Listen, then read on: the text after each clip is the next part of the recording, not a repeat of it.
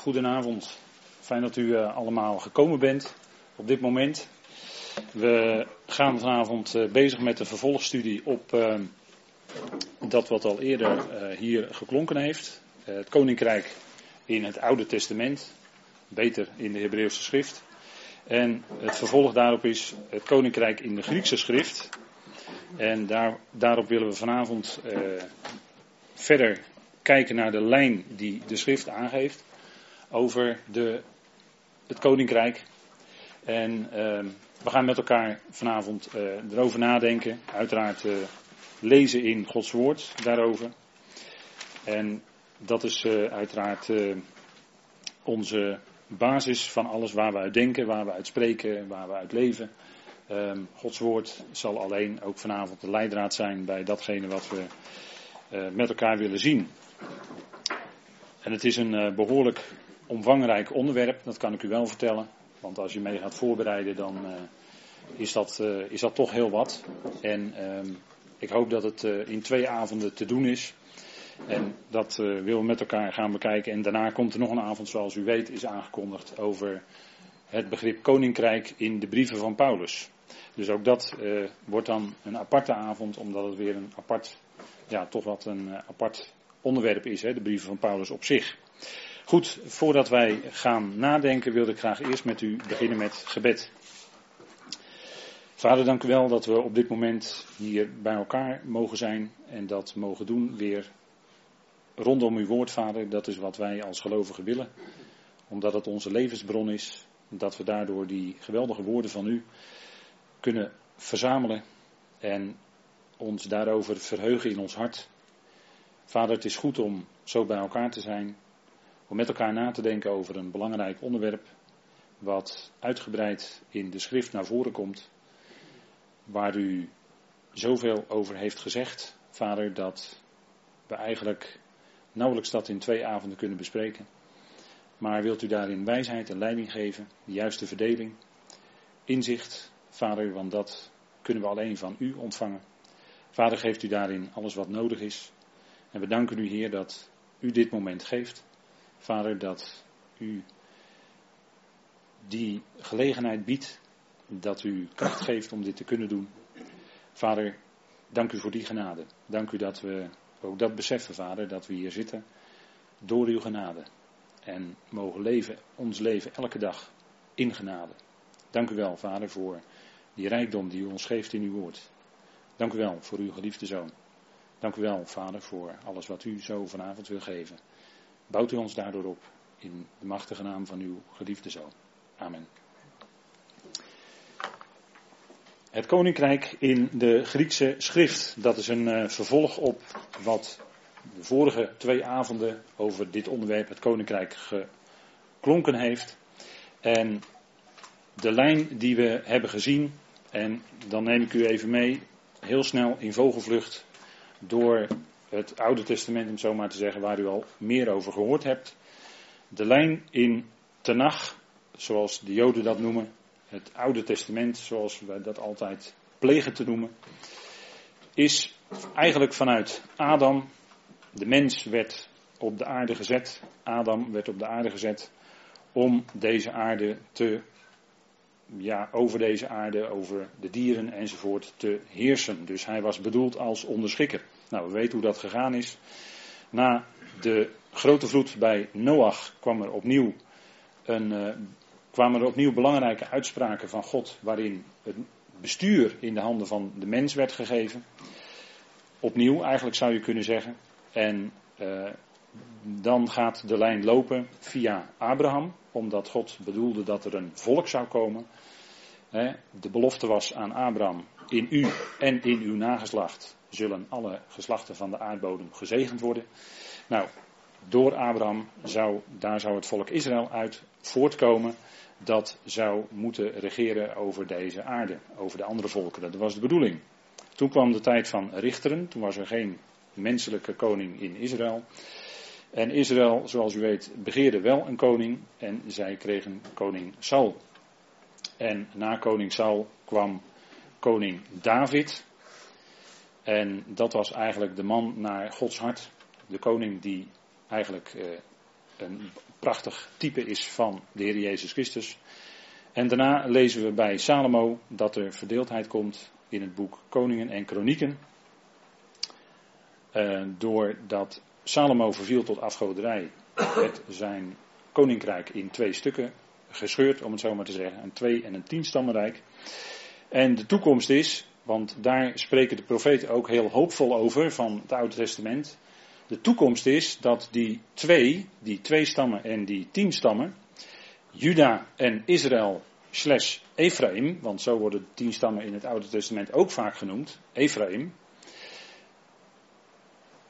Die twee worden tot één gevoegd en dat zal gebeuren in de nieuwe tijd die zal komen voor Israël. Het nieuwe verbond dat beloofd is, waarbij die twee tot één zullen worden. Dan zal het worden één volk onder één herder. En dat is wat bijvoorbeeld een profeet als Ezekiel ons aanzegt, als belofte. Maar meerdere profeten hebben dat, uh, ja, wat, in, wat we lezen, waar we het net over hebben. Uh, het verscheurde koninkrijk zal weer tot één worden. Daar hebben meerdere profeten beloften over gegeven, profetieën over uitgesproken, dat dat koninkrijk weer hersteld zal worden. En zoals het ook in handelingen heet, de vervallen hut van David zal weer hersteld worden. Nou, die vervallen hut, dat is natuurlijk eigenlijk het koninkrijk wat afgebroken was, maar wat weer opnieuw opgebouwd zal worden. En dat zal allemaal gaan gebeuren onder het nieuwe verbond. En centraal staat dan in dat koninkrijk dat aangekondigd is het volk Israël, dat geroepen is tot koninklijk priesterschap. Dat zijn welbekende woorden uit Exodus 19, vers 6 en die worden nog eens aangehaald in 1 Petrus 2, vers 9. En een belangrijk punt wat geklonken heeft is dat Israël overschatte hun eigen kracht en daarmee onderschatten zij tegelijkertijd Gods kracht. En dat is een belangrijk punt, denk ik. En daar zit ook geweldige geestelijke waarheid in voor ons. Als wij op momenten misschien een beetje onze eigen kracht overschatten, dan heeft God altijd wel weer een methode om ons te laten merken dat wij afhankelijk zijn van Hem en dat het gaat om Zijn krachten in ons leven. Want Israëls gang, dat weet u, was eigenlijk treurig. Zij vervielen steeds tot afgoderij en dat leidde tot tuchtiging. En die tuchtiging betekende ballingschap. Ballingschap is een vorm van tuchtiging.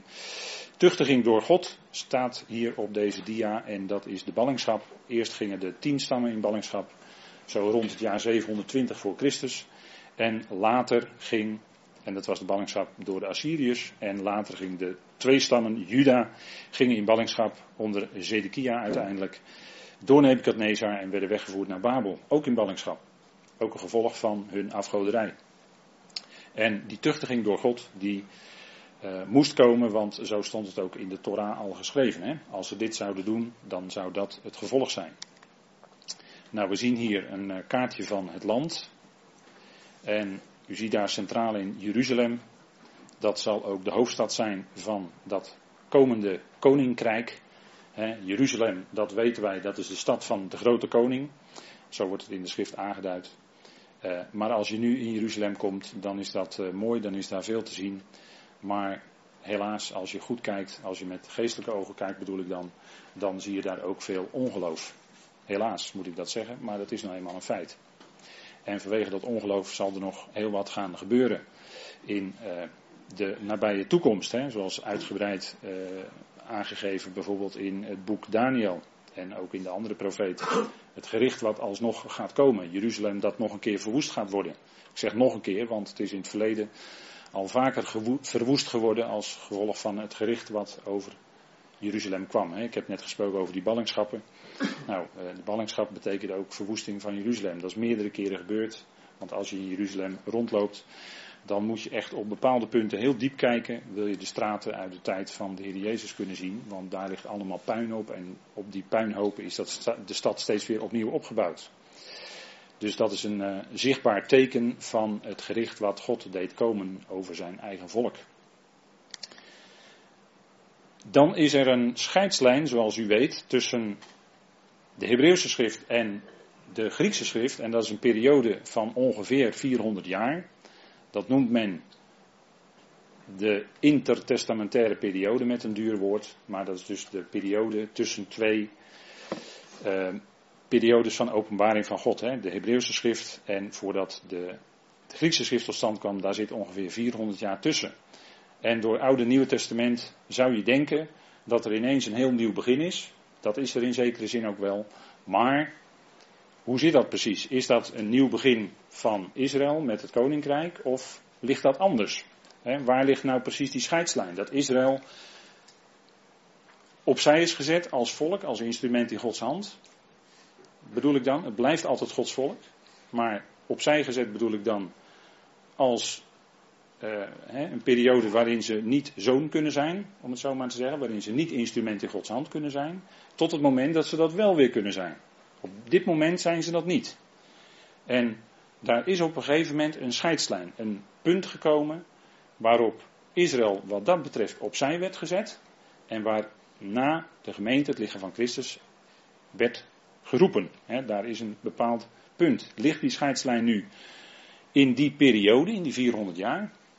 Of ligt dat anders? Ligt dat scheids, ligt dat moment ergens anders? Als je kijkt in de schrift, dan zie je toch een doorgaande lijn. En die doorgaande lijn, die lees je eigenlijk terug in de aanhef van de Hebreeënbrief. In Hebreeën 1 vers 1 staat namelijk, en misschien leest u in uw vertaling mee, Hebreeën 1 vers 1, maar ik lees u dan vanaf deze presentatie, deze dia-presentatie die we hier hebben, lees ik dan uh, een iets andere volgorde van de woorden. En daar staat in Hebreeën 1 vers 1, vele malen en op vele wijzen van ouds sprak God tot de vaderen in de profeten.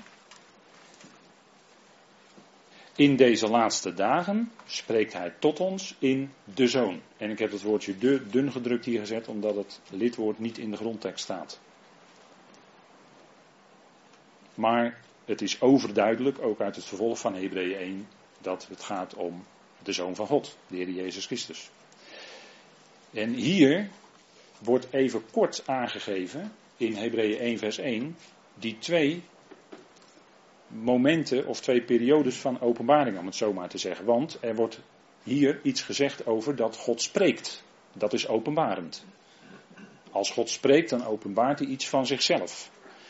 En God sprak tot de vaderen in de profeten, zegt de Hebreeën schrijver. Dat is dus wat we kunnen zeggen, een behoorlijk deel van het Oude Testament, hè, de profeten die spraken. Waarbij u moet bedenken dat de profeten eigenlijk al beginnen bij Samuel, of misschien nog eerder direct na de Torah. Dat wordt eigenlijk allemaal profeten genoemd. En dan hebben we nog de geschriften, maar die zijn ook profetisch. Als we in de psalmen lezen, lezen we ook profetieën over dat er een Messias zou komen, die op de troon zou zitten, die heerlijkheid zou ontvangen, enzovoorts. Een hele bekende psalm in dat verband, die vaak aangehaald wordt in het Nieuwe Testament, is Psalm 110. Zit aan mijn rechterhand, totdat ik al uw vijanden heb gesteld tot een voetbank voor uw voeten, staat er dan. Dat is Psalm 110. Dat wordt op diverse belangrijke momenten in de schrift, in de Griekse schrift, aangehaald. Dus God sprak tot de vaderen in de profeten. En in deze laatste dagen spreekt hij tot ons in de zoon. En dat is wat je zou kunnen zeggen, wat opgetekend staat in de verslagen van het leven van onze Heer. Dat Hij gekomen is en wat Hij predikte, wat Hij hier deed op aarde. En dat, daar heeft Hebreeën het over. En Hebreeën 1, vers 1, zie dat dus als een doorgaande lijn. Die zie dus niet wat mensen als het ware min of meer kunstmatig hebben aangegeven. Ja, die 400 jaar, dat is een onderbreking. En daarna begint er iets nieuws. Nee, zegt de schrift, dat is een doorgaande lijn. Dat is heel belangrijk dat u dat ziet. Want die lijn van dat koninkrijk is namelijk een doorgaande lijn. Ook in de, uh, wat wij dan altijd zeggen, de evangeliën. Dus Hebreeën 1 vers 1 laat ons zien dat God sprak en dat hij gesproken heeft in die periode dat de Heer, over de periode dat de Heer op aarde was. En dat is dan een korte periode, 3,5 jaar, 3 jaar. Daar verschilt, de, daar verschilt men over van mening uiteraard. Uh, maar goed, dat is niet zo belangrijk. Hij is hier geweest op aarde en dat was ongelooflijk belangrijk, want hij was de vervulling van profetie. En dat wordt ook op kenmerkende momenten gezegd. In Matthäus 1, vers 1, want dat is het eerste boek wat genoemd wordt van de Griekse schrift, zien wij wat we altijd zeggen een geslachtsregister, maar dat is het niet. Daar moet ik u over teleurstellen. Want als u dat uit gaat pluizen, als u dat nagaat, dan zult u zien dat bijvoorbeeld in de lijn van de koningen er ineens drie koningen ontbreken. Dat heeft natuurlijk een reden, maar die worden gewoon overgeslagen. En er wordt wel steeds gezegd een zoon van. Hè? En dan worden de drie koningen overgeslagen en dan wordt er gezegd zoon van. Maar dan is het niet letterlijk de zoon van die voorgaande, want er zitten er drie tussen. Dat kun je zo uit de schrift terug, terughalen. Maar zoon van betekent erfgenaam zijn. Recht hebben op de troon, hè? erfgenaam zijn van de troon.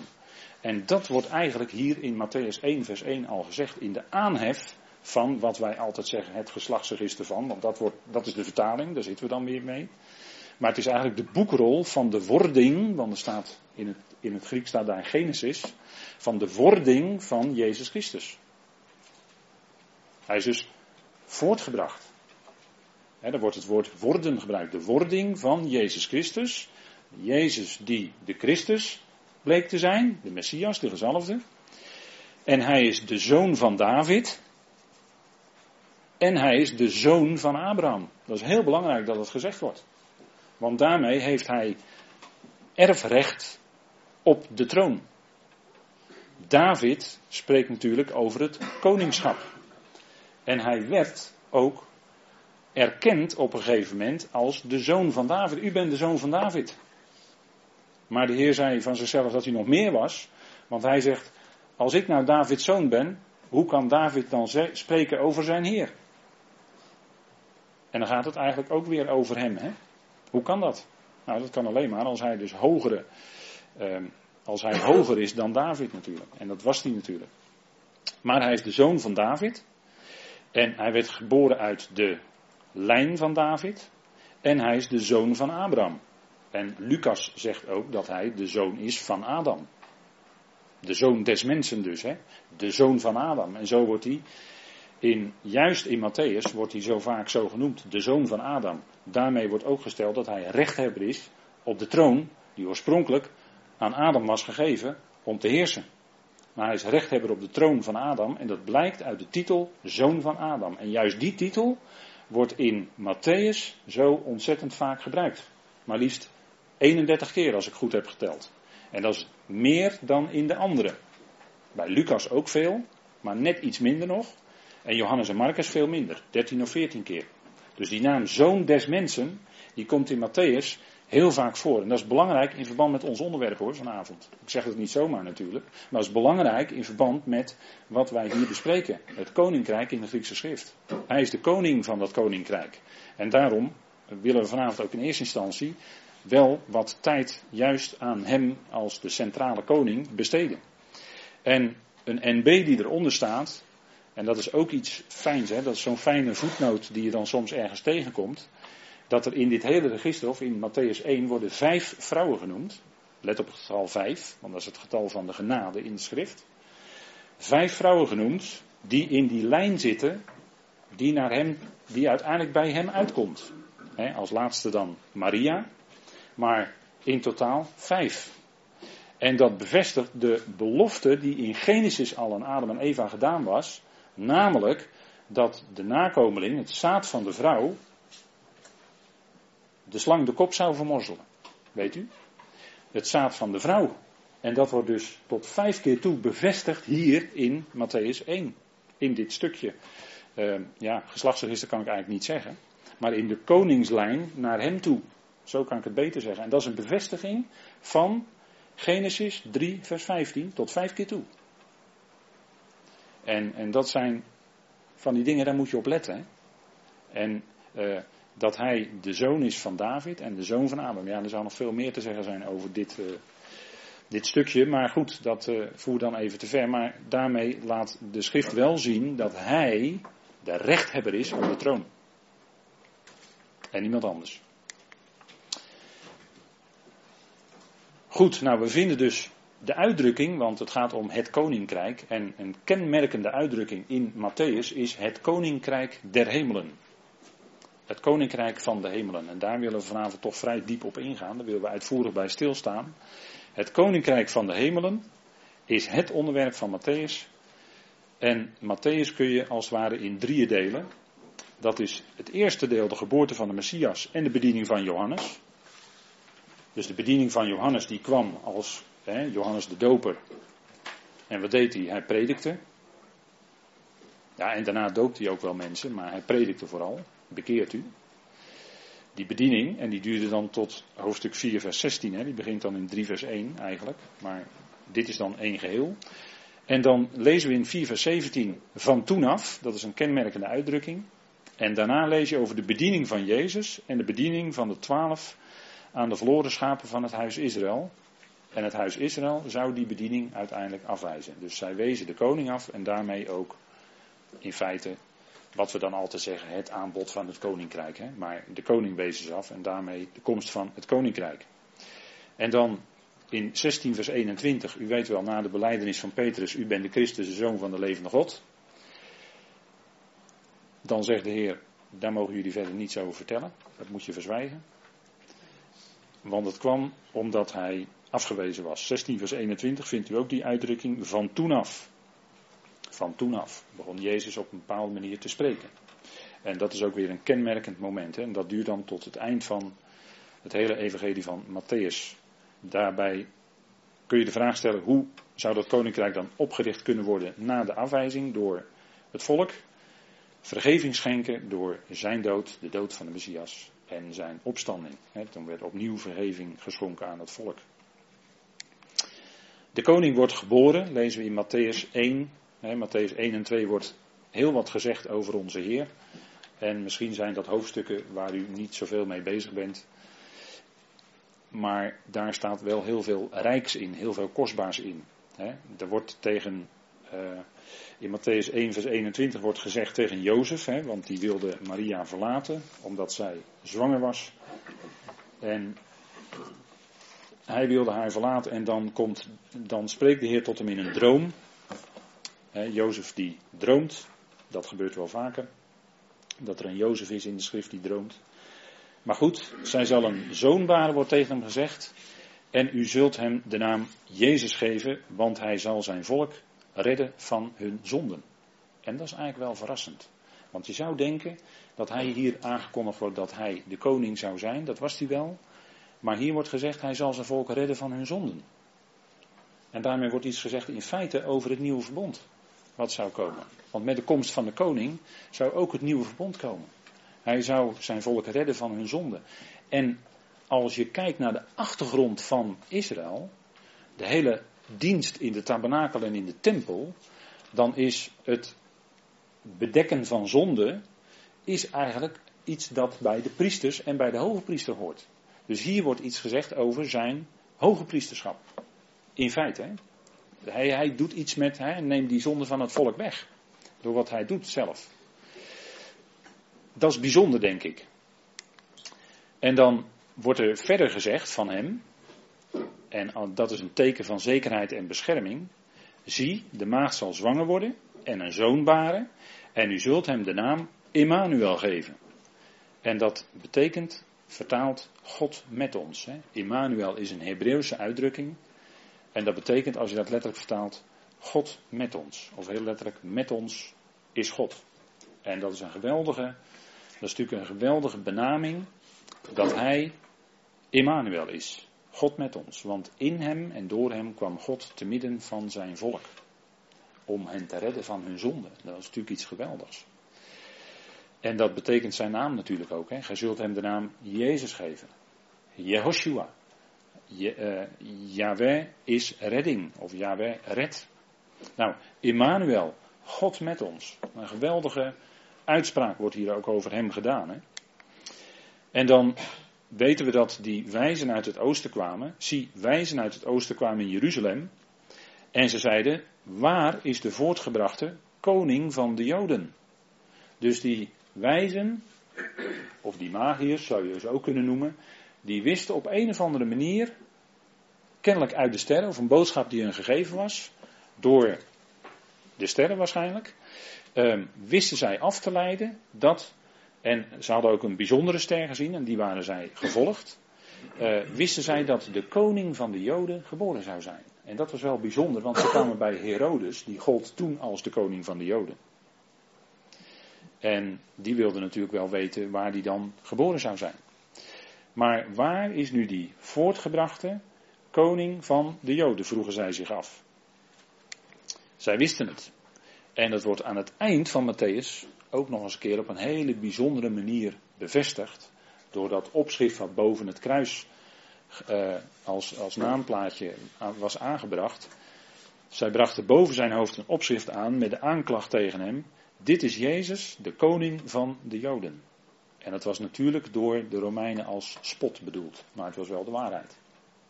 Hij is wel de koning van de Joden. Natuurlijk. Hij kwam ook uit de lijn van Juda, hè, de Davidische lijn. Dus hij kon alle aanspraken maken. Nou, de Heer is de Messias, de Christus, de gezalfde. En toen wilde Herodes wel eens weten, Matthäus 2, vers 4 zitten we inmiddels, waar nou die Christus geboren zou zijn. Dus hij liet alle overpriesters en schriftgeleerden van het volk bijeenkomen en wilde van hen weten waar de Christus geboren zou worden, de Messias. En ze wisten dat precies te vertellen. Want zij wisten uit de profeet Micha dat hij in Bethlehem geboren zou worden. En u, Bethlehem, broodhuis, hè, ik vind die naam altijd zo mooi in het Hebreeuws, broodhuis. Hè. Hij is het brood van het leven. Hij is het leven zelf en brood van het leven wat we nodig hebben. Hij is het woord. En wij zullen niet alleen leven van brood, maar ook juist van alle woord wat uit de mond van God uitgaat. Hè.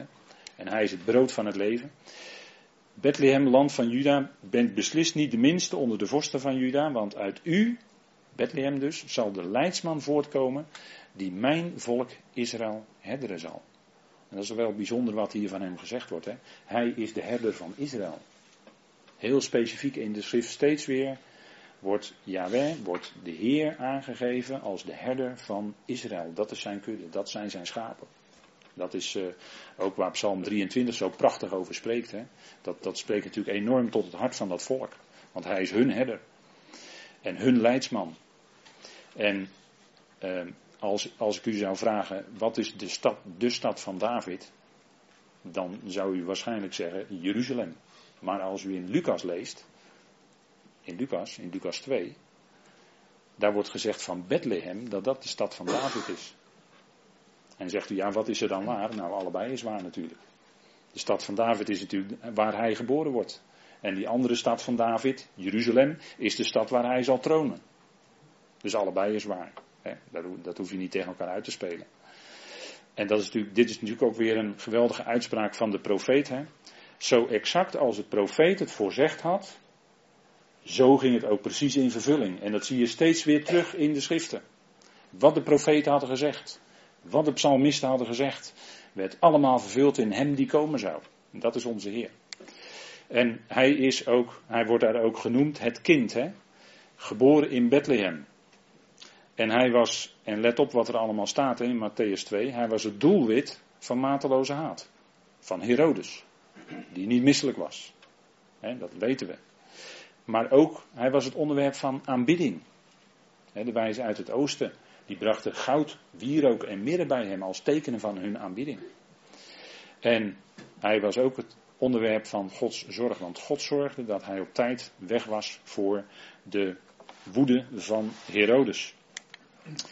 En hij is, zo wordt hij ook genoemd, de zoon die uit Egypte, de zoon van God, die uit Egypte geroepen is. Want Jozef en Maria gingen naar Egypte en ze bleven daar tot de dood van Herodes, opdat vervuld werd wat door de Heer gesproken is door de profeet. Uit Egypte heb ik mijn zoon geroepen. Dat is dus een uitspraak met een dubbele bodem, in die zin dat het zowel iets zegt over Israël, in eerste instantie zegt Hosea iets over Israël, en daar in Hosea 11 gaat het dan over de tien stammen, die dan ook direct Ephraim daar worden genoemd. Maar die, werden uit, die werd uit uh, Egypte geroepen. Hè. Het volk Israël ontstond in Egypte. Ze werden daaruit geroepen. En later, zou, hè, en later bleek deze profetische uitspraak ook van toepassing op de Heer Jezus zelf, die als de zoon ook uit Egypte werd geroepen. Want dat zegt de schrift hier. En dat is bijzonder, hè? En zo zie je steeds die gelaagdheid in die profetieën. Daar zitten altijd meerdere lagen in. En hij is de Nazarener. Dat betekent hij is de vernederde. Hij kwam in ootmoedigheid, hè, zegt Paulus in Filippenzen 2. Hij was bekleed met ootmoedigheid, zou je kunnen zeggen. En toen hij daar gekomen was, ging hij wonen in de stad die Nazareth heette, zodat vervuld werd wat door de profeten gezegd is, dat hij Nazarener genoemd zal worden. En als u gaat zoeken naar deze uitspraak, dan vindt u hem niet. Er staat hier ook wat door de profeten gezegd is. Dit was kennelijk uit een overlevering, een mondelinge overlevering. En deze mondelinge overlevering was kennelijk zo belangrijk dat hij in de schrift terecht kwam. Er waren, en natuurlijk weten we dat er nog talloze andere mondelinge overleveringen zijn, maar die zijn niet in de schrift terechtgekomen. Dus dat is anders. Dat ligt anders. Hè? Maar deze uitspraak zult u niet schriftelijk in het Oude Testament terugvinden. Maar het is wel gezegd kennelijk door een profeet. Of hier wordt zelfs gezegd meervoud, profeten. Hè? Dus door meerdere profeten is kennelijk hierop gedoeld. Dat hij Nazarener genoemd zal worden. En dat Nazarener heeft te maken met zijn vernedering. En als we dan nadenken over het onderwerp van vanavond, dan hebben we nu stilgestaan, zijn, hè, we hebben stilgestaan nu bij de koning van het koninkrijk. Want we denken na over het koninkrijk vanavond. Hè. Hoe zit dat nou in de Griekse schrift?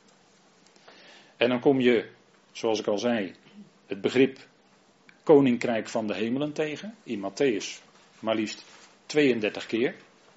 Dus dat, en het komt ook alleen in Matthäus voor. En daarnaast lees je ook over het begrip koninkrijk van God. En in de afgelopen 2000 jaar is daar eindeloos veel verwarring over geweest, over het koninkrijk. En ook over wanneer dat koninkrijk dan zou komen. En of dat, dat alleen een, een geestelijk koninkrijk is, of dat het ook een letterlijk koninkrijk is. En of, uh, hè, wat is nou precies het koninkrijk van God en wat is nou precies het koninkrijk van de hemelen. Daar is in de afgelopen eeuwen ontzettend veel over gediscussieerd. En ook ontzettend veel over geschreven. En er wordt vandaag aan de dag, en in de tijd dat ik zelf op de Bijbelschool zat, 30 jaar geleden, was het niet anders. Daar werd op de Bijbelschool ook verschrikkelijk veel gediscussieerd over deze begrippen. En vandaag aan de dag is het niet anders. Onder gelovigen wordt heel veel gediscussieerd over deze begrippen. En waar iets nu precies hè, wat betekent. Nou, koninkrijk van God, koninkrijk van de hemelen. Ik heb daar een is gelijk teken tussen gezet. De vraag is dus, is het koninkrijk van God, zoals het in de schrift gebruikt wordt, die uitdrukking, is dat nu precies hetzelfde als het koninkrijk van de hemelen? Ja of nee? Nou, daar gaan we vanavond antwoord op proberen te vinden. We gaan eerst maar eens kijken verder in Matthäus, want dat is toch de, het eh, evangelie, om het zo maar te zeggen, waar die uitdrukking, koninkrijk der hemelen, het meest wordt, eigenlijk uitsluitend, hè, niet het meest, uitsluitend wordt gebruikt.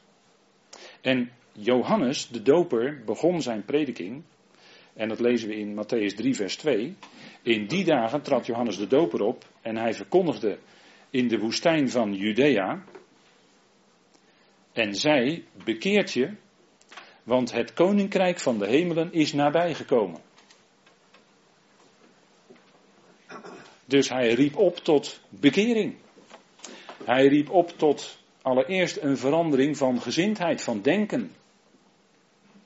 Want het Griekse woord hierbij, bij bekering, is metanoia. En dat betekent allereerst een verandering van denken. He, noia heeft te maken met noes, weet u wel, denkzin. zeg ik voor degene die de Duitse en eh, Engelse concordante Bijbels eh, hebben en bestuderen. dat is een verandering van denken. Ten aanzien van, nou, het koninkrijk, de prediking, uh, het evangelie wordt hier gebracht, dus het goede nieuws. En dat is waar Jezaja over sprak. De stem van een die roept in de woestijn maakt de paden recht. En dat was Johannes. Dat was de stem in de woestijn. En wij gebruiken dat vaak spreekwoordelijk, hè? dat iemand een roepende in, is in de woestijn. Met andere woorden, er luistert niemand of niemand wil luisteren. Ze horen het wel, maar ze willen niet luisteren.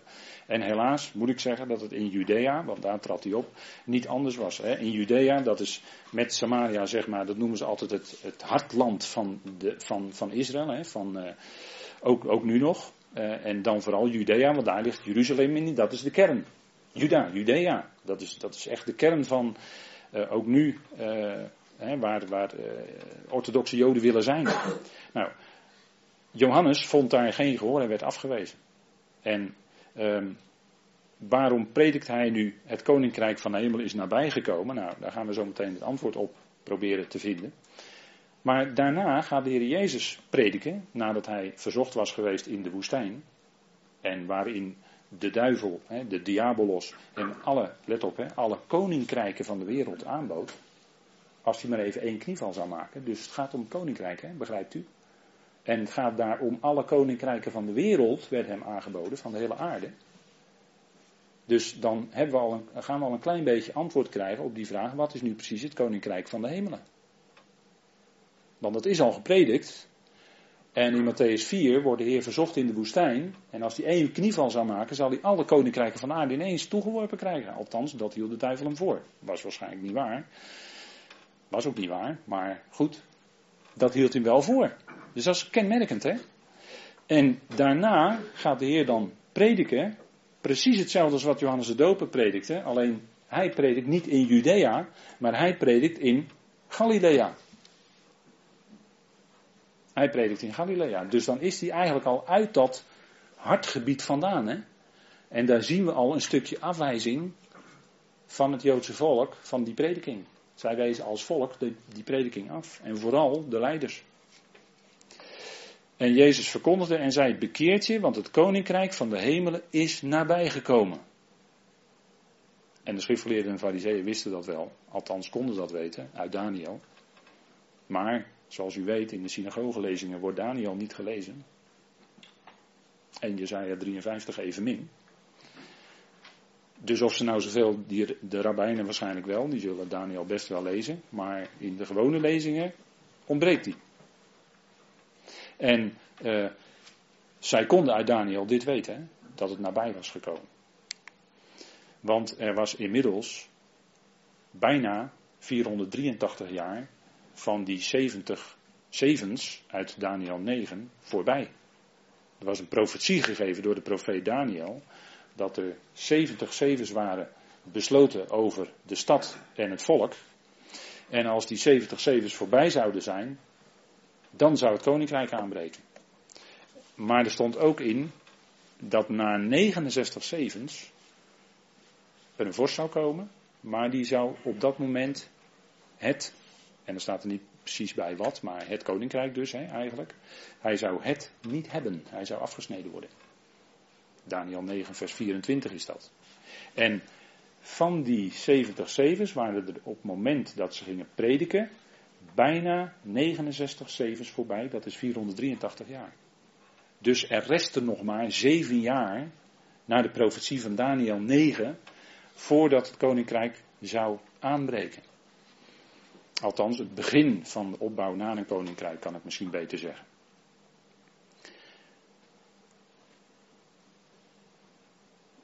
En dan lees je in een paralleltekst, en die heb ik hier op deze dia gezet, uit Marcus 1, want dat is het verschijnsel wat zich voordoet als je de schrift leest, dat je in het ene evangelie Matthäus leest over het koninkrijk der hemelen en in het andere evangelie lees je precies hetzelfde, maar dan staat er koninkrijk van God. Dat is natuurlijk merkwaardig. Maar dat komt omdat Matthäus spreekt vanuit, eigenlijk vanuit de profeet Daniel. Hè. Nadat Johannes overgeleverd was, ging Jezus naar Galilea.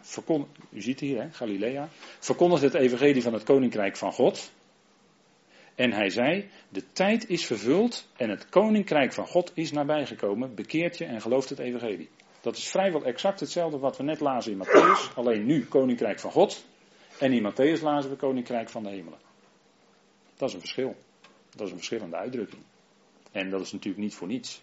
Want als er verschillen staan in de schrift, moet je altijd heel zorgvuldig bestuderen en nadenken en nagaan waarom die verschillen er zijn. Er was dus 483 jaar voorbij en vandaar dat Johannes en de Heer Jezus verkondigden Nabij is het koninkrijk. Deze uitdrukking, koninkrijk van de hemelen, vinden wij dus vier keer in, of 32 keer in Matthäus. En deze uitdrukking die verwijst eigenlijk naar Daniel 2, vers 44 en Daniel 7, vers 27. Dus ik noemde net al iets over Daniel 9, maar we blijven even bij de profeet Daniel. Want die uitdrukking, Koninkrijk van de Hemelen, is gebaseerd op de teksten uit Daniel. Die komt daar bijna rechtstreeks uit vandaan.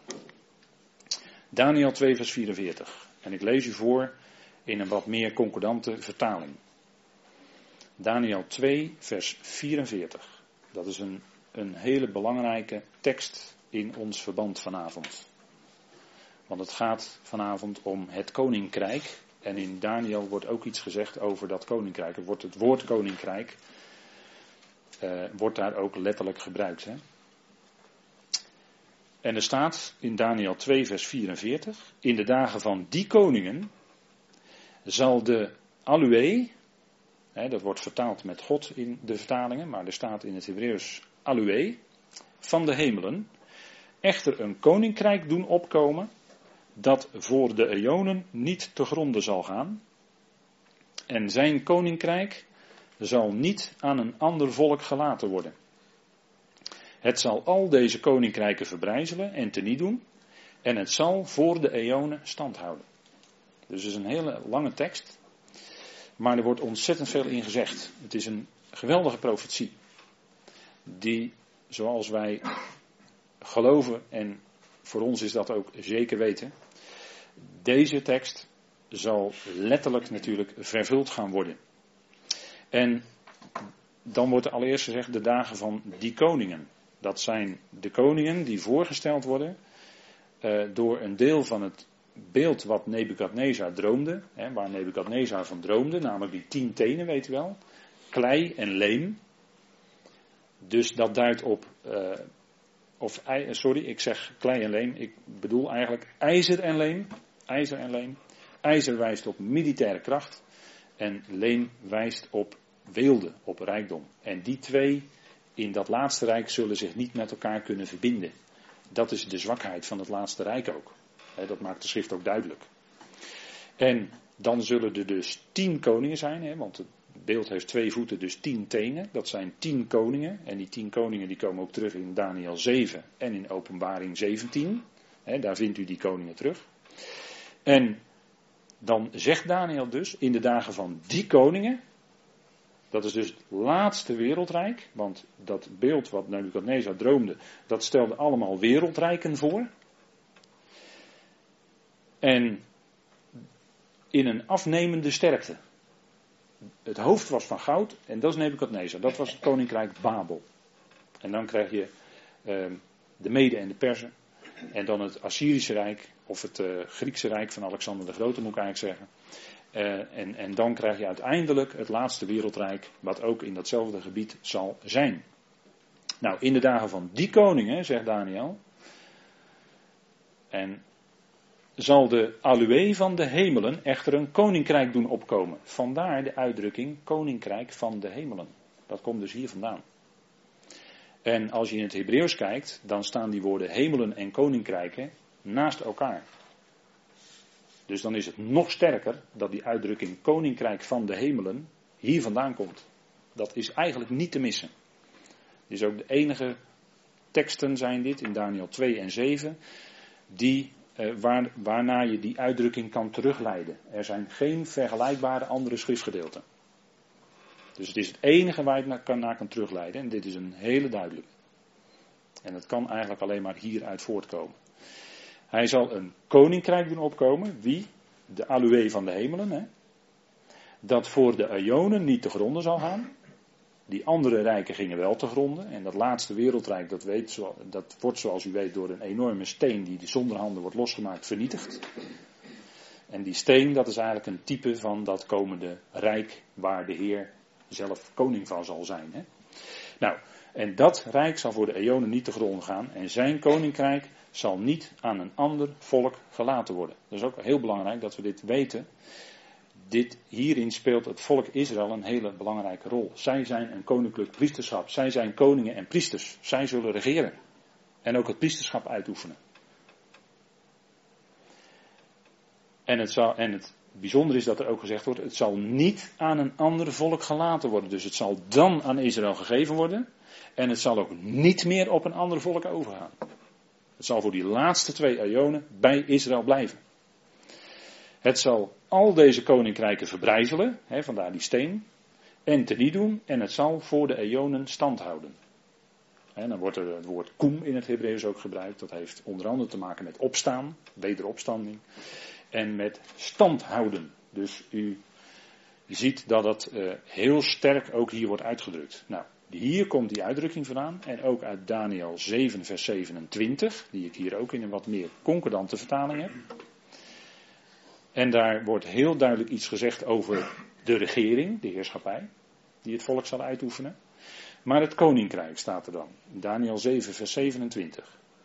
Maar het koninkrijk en de heerschappij en de grootheid van het koninkrijk onder al de hemelen zullen gegeven worden aan het volk van de heiligen van de Allerhoogsten. Hun koninkrijk is een eonisch koninkrijk en het geheel van de autoriteiten zal hen eren en gehoorzamen. Nou, wat betekent dat?